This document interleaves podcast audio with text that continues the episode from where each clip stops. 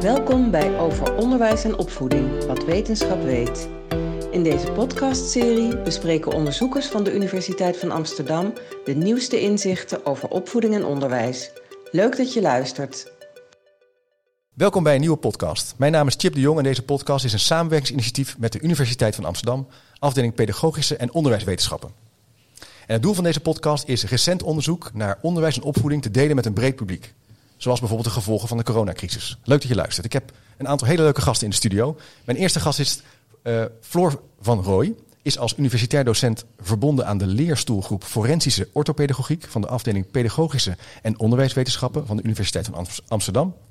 En ze heeft, het onderzoek, ze onderzoek gedaan en dat samen uitgevoerd met Joyce Weland, die als universitair docent bij ortho- en gezinspedagogiek van de Erasmus Universiteit Rotterdam werkt. Ja, klopt. Leuk dat je er bent. Leuk dat ik mocht komen. Ja, uh, heel interessant. Ik ben ook heel benieuwd naar nou, toch wel ingewikkelde omschrijvingen van vakgroepen, maar daar gaan we het uitgebreid over hebben. Frank Cornelis zit hier uh, tegenover mij, is universitair hoofddocent en programmagroepsleider onderwijswetenschappen. En in jouw onderzoek en onderwijs richt jij je op de innovatie en de organisatie van onderwijs en het leren van de professional zelf. En ook de professionals als groep, denk ik. En je leidt verschillende onderzoeksprojecten, waaronder het project Kansen in Crisis hoe geven scholen vorm aan educatief partnerschap? Dat met het COVID-19 spoedsubsidie uh, uh, project wordt gefinancierd door Zon MNW. Klopt. Nou, ja, helemaal, dank je. Ja, een hele, hele mond vol. Leuk ja, dat je er bent. Uh, Geert-Jan is in de studio ja, op afstand, Geert-Jan. Um, vanwege een, toch een verkoudheid ja. hebben we besloten om dat even op afstand te doen. Maar gelukkig kan dat in deze tijd gewoon. ontzettend leuk dat je er bent. Je bent hoogleraar preventief, preventieve jeugdhulp en opvoeding aan de UvA. En met name geïnteresseerd in hoe ouders en leeftijdsgenoten van invloed zijn op de ontwikkeling van kinderen en jongeren. En, en je kijkt daarbij naar wat er niet goed gaat, bijvoorbeeld de ontwikkeling van probleemgedrag bij kinderen en bijvoorbeeld kwetsbare opvoedsituaties, maar ook wat er wel goed gaat. En denk dan bijvoorbeeld aan prosociaal gedrag en gezond gedrag van kinderen en positieve opvoedsituaties. Leuk, ja, Gert-Jan, dat je er bent. Helemaal. Ja, dat is de, ja, dank je. Ja, dus we gaan het hebben over uh, toch wel een, een, interessant thema. De gevolgen van de coronacrisis. Als het gaat om school, als het gaat om ouder zijn, als het gaat om kind zijn, als het gaat om hulpverlening die er omheen zit. Floor, dat is ja. het grote thema. Hè?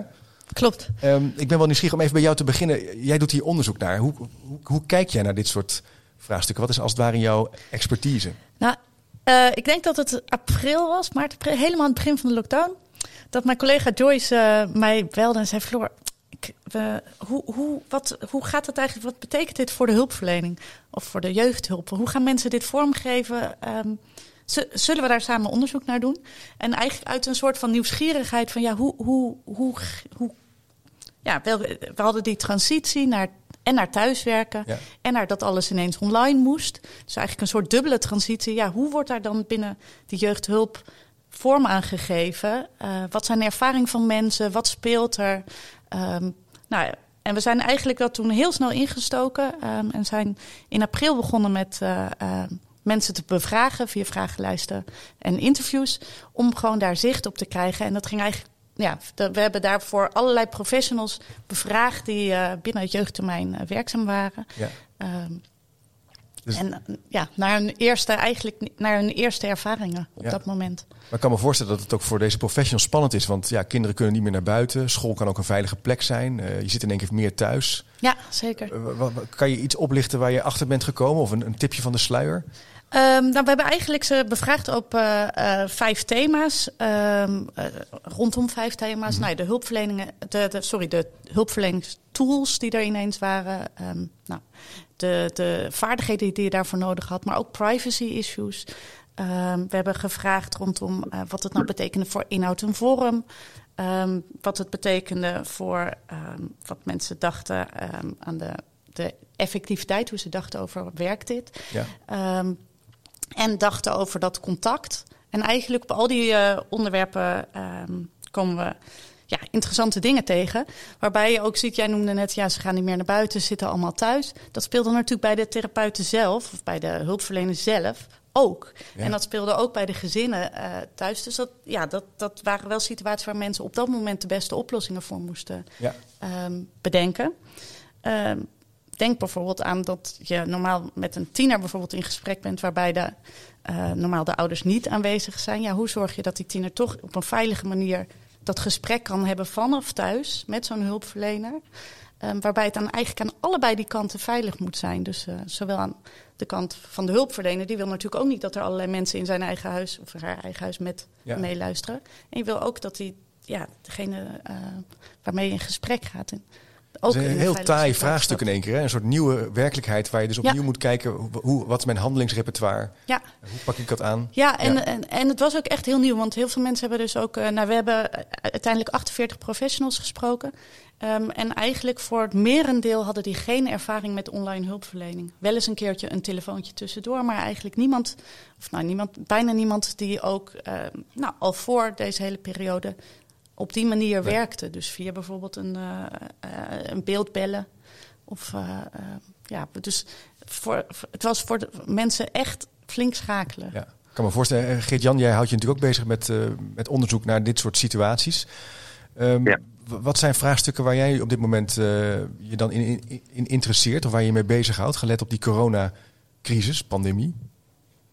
Ja, wij uh, waren heel erg geïnteresseerd in uh, hoe gezinnen reageerden eigenlijk op die, uh, op die lockdown-maatregelen ook. Ja. dus wat wij hebben gedaan is net als Floor bijvoorbeeld in haar onderzoek zijn we vanaf vorig jaar april zijn we eigenlijk aan de slag gegaan om uh, te kijken uh, hoe gaat het eigenlijk met de opvoeding in die gezinnen. Uh, in welke mate ervaren ouders nu stress bijvoorbeeld, of meer stress dan normaal in de opvoeding. Um, hoe positief zijn ze in een opvoeding? Staat dat onder druk? Of zijn ouders toch korter aangebonden?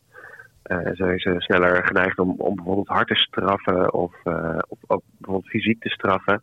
Dingen waarvan we weten dat het echt risicovol kan zijn in de opvoeding van kinderen. En we waren ook heel erg geïnteresseerd om van ouders te horen hoe kijk je nu naar hoe het gaat met, met je kinderen.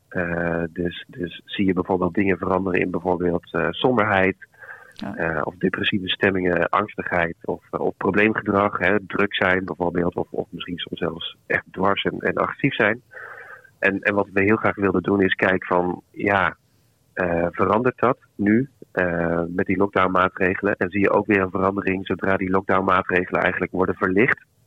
Dus wat wij hebben gedaan is vanaf april een groep van ongeveer 3600 ouders hebben gevolgd. Op meerdere meetmomenten. Um, dus we volgen die groep eigenlijk nog steeds. En we zijn van plan om een laatste meting te doen bij die groep ouders in de uh, zomer van dit jaar. En wat wij, uh, wat wij zien is, is wel dat met name in die, in die periodes, dus april begon dat, waarin, waarin die lockdownmaatregelen echt worden verstevigd, worden neergezet. Ouders met de kinderen thuis moesten blijven, er ook sprake was van thuisonderwijs. Dat je wel echt ziet dat die druk op gezinnen flink is toegenomen. Dus dat zie je terug in zowel de ouders gerapporteerde opvoeding als problemen bij de kinderen.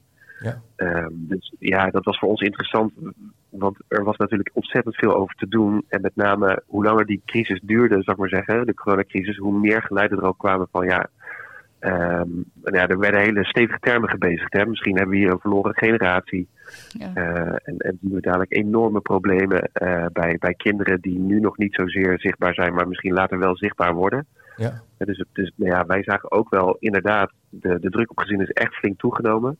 Ouders rapporteerden meer stress, ze waren korter aangebonden, ze waren minder positief. En ze rapporteerden ook meer uh, problemen bij de kinderen. Maar wat we zagen was ook echt wel een verhaal van veerkracht. Dus we zagen een soort van bounce-back effect zodra die maatregelen versoepeld werden. Dus uh, in, in, in de herfst van vorig jaar en, en uh, voorjaar nu zie je eigenlijk um, uh, of eigenlijk met name in de, in de herfst van vorig jaar, toen die, toen, die, uh, toen die maatregelen wat versoepeld werden, zie je ook wel weer dat ouders terugkeren naar een soort van positievere opvoeding en positieve rapporteren over hun kinderen. Nu, uh, zeg maar, hè, dus de afgelopen periode dat die maatregelen weer streng waren, de avondklok was er, die lockdown-maatregelen werden allemaal weer aangetrokken ja, je ziet, je ziet eigenlijk dat de opvoeding van ouders daarin meebeweegt. Dus dat komt dan vervolgens weer meer onder druk te staan. Maar het is niet zo, dat, dat waar, daar waren heel veel mensen bang voor, van ja, nu is er sprake van een verloren generatie of het gaat echt compleet mis met de gezinnen in Nederland. Dat hebben we eigenlijk niet zo gezien. Eigenlijk hebben we gezien dat er best wel veel, veel veerkracht was bij de Nederlandse gezinnen. Mooi, veerkracht Frank. Uh, dat is er dus wel gelukkig, uh, ondanks een hele heftige ja, situatie die je eigenlijk nooit eerder mee hebt gemaakt als ouder, als, als kind eh, in het onderwijs uh, op scholen wordt natuurlijk heel veel gesproken ook over ja, zorgelijke achterstanden, leerachterstanden.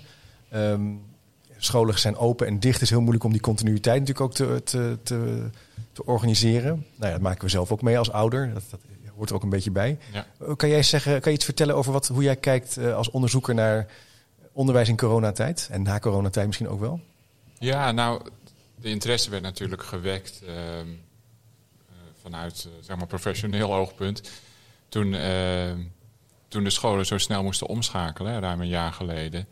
En eigenlijk iedereen toch wel versteld stond wat scholen binnen een week voor elkaar kregen. Ja. Ehm, tegelijkertijd uh, waren er ook berichten, die werden nu ook al genoemd. Hè, hulpverlening die moet schakelen, moet zich anders organiseren, gezinnen staan onder druk maar ook wel echt zorg om leerlingen. Leerlingen die buiten beeld raakten. Um, en dat, dat lag toch wel allemaal op het bordje van de school. Hè? Wat je net zelf noemde, school is een, moet een veilige plek zijn waar je kan, jezelf kan ontwikkelen. En waar je op allerlei terreinen jezelf moet kunnen ontwikkelen. Um, maar die, die plek was dus niet meer zo vanzelfsprekend uh, ineens. En wij vroegen ons eigenlijk op dat moment af van... Eigenlijk ook wel met een stuk bewondering kijkend hoe scholen reageerden van... Hoe doen ze dat nou? hoe vangen ze dit nou zo, hoe vangen ze dit nou op en gaan hoe doen ze dat? Hè, sommige scholen leken dat best heel soepel te doen. Ja. Ehm, dus wij proberen ook het een stukje te begrijpen van waar zit nou die veerkracht in eigenlijk, hè, in een reactie als er zoiets ja, massaals ineens op je, op je pad komt. En we hebben daar vooral dan op ingezoomd, hè, die veerkracht zit in allerlei dingen, maar gekeken van hoe zorgen ze nou dat met die risicovolle leerlingen, die makkelijk buiten beeld zouden kunnen raken met een ongunstige thuissituatie. Hoe zorgen ze nou dat ze het contact gaande houden met de leerlingen, met hun ouders en dat ze uh, ja, zorgen dat, dat ze die erbij kunnen blijven betrekken? Want ja, dat is ook in de media natuurlijk uitgebreid geweest, maar die liepen, lopen massaal natuurlijk een gevaar dat die verder buiten beeld gaan blijven en verder gaan achterlopen, et cetera. Er werd ook wel gezegd dat de ongelijkheid en de ongelijke kansen eigenlijk alleen maar duidelijker wordt door de coronacrisis. Dat las je dan wel eens in de, in de krant, want het wordt nog erger zichtbaar. Ja. Zou je dat ook zo zeggen of heb je daar een andere opvatting over? Nou, dat, dat klopt natuurlijk. Hè. De, laat ook onderzoekers zien dat uh, als je gemiddeld kijkt, dat, dat, achterstanden, dat ze achterstanden hebben opgelopen op bepaalde manieren. Ook in het welzijn van kinderen. Ja, uh, Geert-Jan Floor noemde het al, uh, lopen daar echt wel gevaren. Ehm, maar ja, ik denk dat. Uh, Kun je vraag nog een keertje herhalen, Chip? Even? Nou, dat punt van die ongelijke kansen, dat het dus zichtbaarder wordt door, door de coronacrisis. En, ja. Nou, het wordt dus zichtbaarder. Maar wij, wij doen bijvoorbeeld nu onderzoek binnen. Want wij zijn met die uh, zon- en weessubsidie zijn we in oktober gestart met een scholen gaan volgen. En ook kijken van kunnen we die inzichten gebruiken om scholen ook te ondersteunen. Dus later ook hè, samen met hun slimme oplossingen bedenken. Maar nu zijn we in een aantal VMBO-scholen in Amsterdam en in Nijmegen, waar we samenwerken in het project met uh, collega's van de Radboud. Zijn we aan het kijken van ja, hoe hebben jullie nou gereageerd? Hoe hebben jullie het nou voor elkaar gekregen? Met name op die VMBO-scholen waar er dus veel van die risicovolle leerlingen zitten. En wat dan ook wel opvalt is dat, en laten we wel wezen, dit, dit is ook deze leerlingen zijn niet nieuw of zoiets dergelijks voor deze scholen. Dat zeiden ze ook van. Wij hebben ons in de afgelopen jaren ook voorbereid op allerlei persoonlijke crisissen bij deze leerlingen. Dus wij hebben al ook geïnvesteerd in relaties met ouders, in proberen ouders de school in te krijgen. Eén school gaf aan om het laagdrempeliger te maken. Hebben we nu bijvoorbeeld uh, een Turkse en Marokkaanse conciërge. Uh, die gewoon het praatje houdt, die de mensen op een gemak stelt die zelfs helpt hun belastingpapieren in te vullen. Want nou ja, sommige ouders die, die voelden zich daar ongemakkelijk over. En op de een of andere manier was dat een drempel voor hun om de school in te komen. Maar dat, eh, de samenwerking met buurt, met, eh, met buurtwerk. Ja, ja. Ehm, maar eigenlijk zeg je van er zijn al allerlei netwerken, er zijn allerlei bewegingen gaande. Ja. Uh, en Floor, jij zei net, ja, maar toch moet die professional zichzelf wel opnieuw uitvinden. Ja, ja ik denk als het gaat over, over het, uh, het, het nou, dat is wat de professional. Wij hebben natuurlijk een kleine groep gesproken op dat moment. En dat was helemaal aan het begin. Ja. En daar kwam wel heel erg uit naar voren dat ze inderdaad wel echt zelf. Um, nou ja, inderdaad, hun, hun, manier van hulp verlenen moesten, opnieuw moesten uitvinden. Er waren natuurlijk ook wel allerlei. Um, nou, er zijn bijvoorbeeld uh, online e-health modules, maar veel mensen werkten daar nog niet mee. Dus die moesten wel kijken hoe kan ik dat gebruiken. Um, er waren ook wel wat voorbeelden in de landen. Ehm, beroepsverenigingen en andere partijen hebben ook uh, wel geprobeerd om vrij snel ook weer wat handvaten te creëren. Maar helemaal aan dat begin was dat er eigenlijk nog heel weinig. Dus ze hebben heel veel zelf moeten uitzoeken. En wat we zagen was ook wel een enorme variëteit in hoe uh, organisaties hun professionals daarin bij ondersteunden, het tempo waarin dat gebeurde. Um, ja, en ook de mogelijkheden die organisaties hadden. Um, als je een organisatie bent waarbij iedereen op kantoor normaal zijn cliënten ziet. En, daar, en de organisatie heeft desktops, om maar even een heel basic ding. Ja, ja um, en mensen zitten nu ineens thuis. Hebben mensen zelf een laptop? Wil je dat wel op je privé laptop? Uh, hoe zit het met de beveiliging? Allemaal dat soort hele basale dingen. Dat was waar we ze in april gewoon mee geconfronteerd werden. Hoe doen we dit op een goede, veilige manier? Ja.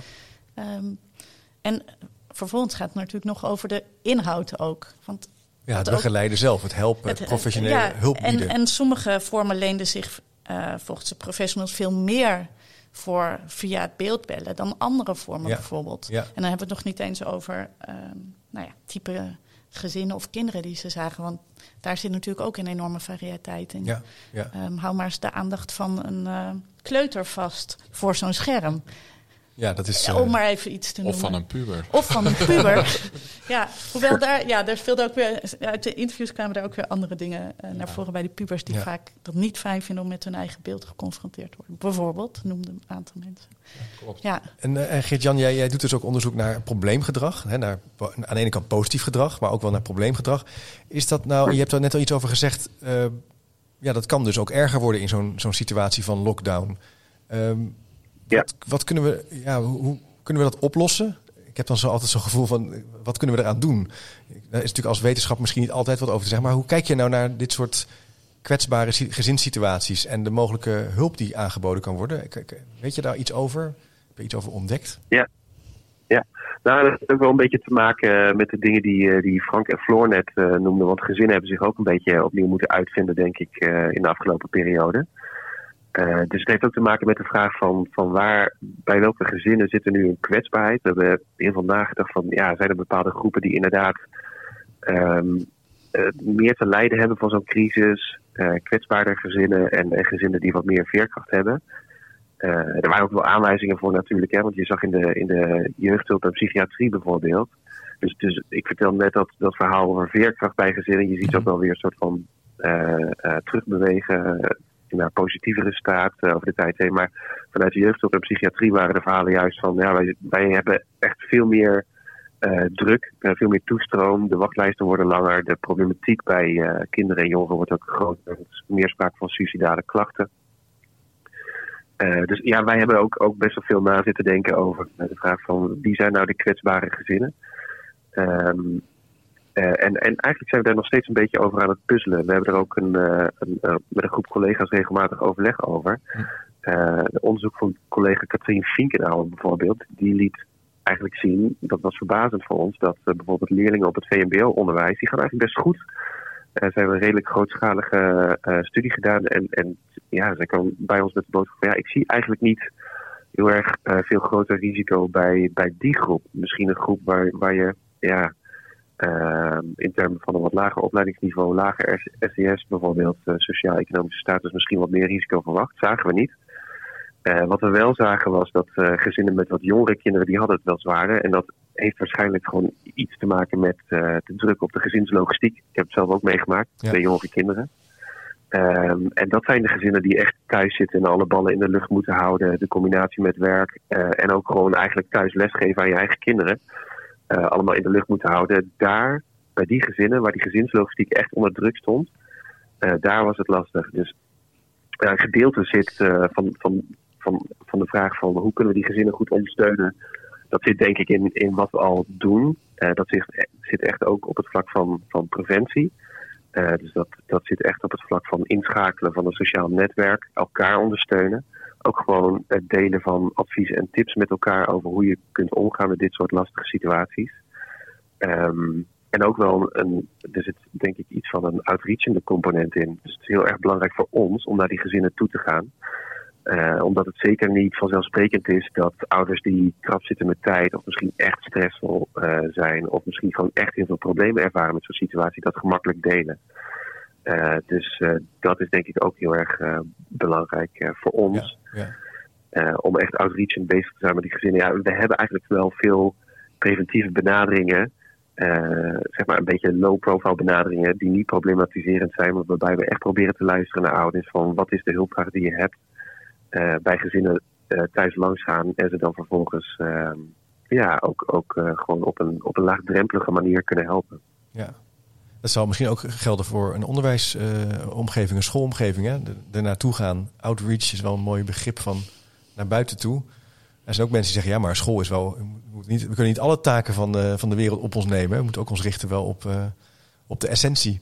Mm -hmm. Maar toch, ja, het is wel een belangrijk punt dat Geert-Jan ook hier aansnijdt. Zou, is, heeft een school er ook een functie voor, zou je zeggen, Frank? Of... Ja, je ontkomt er natuurlijk niet aan. Hè. Ik bedoel, um, we hadden het net over die omschakeling die zo snel moest gebeuren. Ze moesten ineens online, dus ja. waren, leerlingen waren buiten beeld. Ja. Um, je probeert hun te, ja, nat natuurlijk toch nog te, te, te, laten leren. Hè. Dat is je taak één. En zich verder te laten ontwikkelen. Maar het welzijn is natuurlijk super belangrijk. Dus um, ja, dat probeer je dan nog een soort in de gaten te houden ja. of zo. En dat gaat via van, hey, uh, via een absentieprotocol als er iemand ineens niet aanwezig is of zijn camera niet aanzet. Waar is die? Ja. Nabellen gelijk. Ja. Uh, in de groepsapp, de mentor die kijkt, uh, die, ja, die, die, neemt niet altijd deel, maar die kijkt van wat wordt er nou in die groepsapp allemaal gedeeld. Want er werden heel veel zorgen gedeeld in, in groepen. En dat maakt hij bespreekbaar in een mentoruur. Uh, wat ik eerder zei, buurtwerk, jeugdzorg, wat er omheen, wat signaleer je? Je probeert toch ja, je hebt toch ook zorg voor de, voor de leerling, zeg maar. Ja, maar het gaat ook over het netwerk van, van mensen Absoluut. eromheen die, dat dat goed in positie is en dat het versterkt kan worden. Wat Geert-Jan eigenlijk ook zegt van Absoluut. verbinding proberen aan te brengen. Ja, want dit, dat, dat netwerk eromheen, dat zien we dus wel. Hè. Als ze al een, een goed ontwikkeld netwerk hebben, een school, en al met die leerlingen bezig zijn en daar hè, dan, dan kan je makkelijker schakelen op een moment. Hè. Dan is het dan geen persoonlijke crisis, maar dan werd het deze crisis. Maar dan kan je dus dat gaan inzetten gelijk. Ja. Dan heb je dat ja. al dat zijn al tools die je in handen hebt, waardoor je makkelijk reageert. Heb je dat niet, moet je het dan pas gaan gebruiken. Ja, dan sta je toch 1-0 achter. Hè? Ja, dan moet je nog helemaal opbouwen. Ja, en dat is voor die, dat is voor die leerlingen natuurlijk wel... Uh, ja, dan wordt het wel heel lastig, zeg maar. Maar we hebben scholen gezien waar ze ook, uh, ook de school goed hadden georganiseerd. Dat ja, een leerling blijft buiten beeld. Hoe komt dat? Dat wordt gesignaleerd door een mentor. Wat, uh, waarom is dat? Ze hadden kleine groepjes, ze noemden het professionele leergemeenschappen. Groepjes die, uh, die samen gewoon slimme oplossingen bedenken voor dingen die, er die ze tegenkomen in de ja. praktijk. Die komen erachter van, hé, hey, er is, speelt een grote schaamte bij die leerlingen. Ze willen niet hun thuissituatie laten zien. Wat kunnen we daar dan doen? Met ja. directie in gesprek. Directie, nou, je moet zo'n achtergrondscherm hebben. Op, uh, moeten we voor zorgen. Dus bellen met ouders. Nou, en dat wordt geregeld, leerlingen verschijnen. Lukt het nog niet, worden ze naar noodopvang naar, naar de school toegehaald. En dan zie je dat het ook als een school zich uh, het netwerk binnen de school, dus gewoon tussen collega's enzovoorts, als dat goed werkt, als je makkelijk communiceert met je uh, met de ja, dat is natuurlijk heel belangrijk. Kan je snel reageren. Maar dit zou ook ja. voor, voor, de professional uh, ook gelden. Het professionaliseren met elkaar en nadenken ja. over, oké, okay, hoe ga ik het aanpakken? Ja, zeker. Ik weet je daar onderzoek naar hebt gedaan, maar heb je daar Nou ja, we hebben natuurlijk aan het begin daar mensen wel echt over bevraagd. En, en, en, hoe, hoe gaan jullie, nou ja, hoe, hoe verliep dat? Welke berichten kregen jullie vanuit de organisatie? Um, verhalen van professionals die met collega's uh, natuurlijk aan het sparren waren. Hoe, hoe geven we dit uh, op een goede manier uh, ja, zo snel mogelijk vorm? Ja. ja. Um, ja, en, en, en dan wil ik wel echt benadrukken dat we mensen dus ook echt in die beginperiode echt.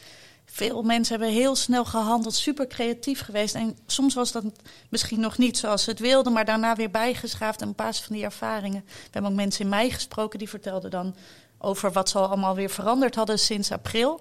Om ja, te zoeken naar de, uh, de beste. Uh, nou ja, wordt ontzettend geleerd, zou je kunnen er zeggen. Er werd ja. ontzettend geleerd. Ja. En ook, uh, ook dingen die mensen ga, aangaven van die ze wilden vasthouden voor daarna. Ja.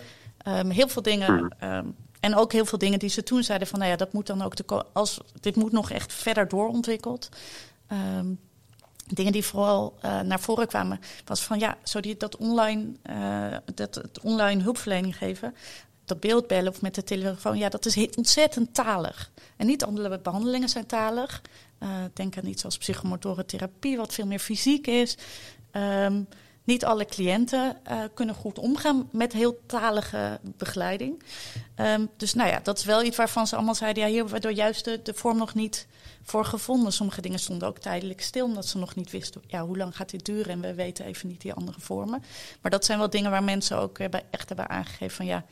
Uh, dat moet nog verder doorontwikkeld. Diagnostiek ook bijvoorbeeld, of uh, ja, uh, risicotaxatie, screeningen, ja.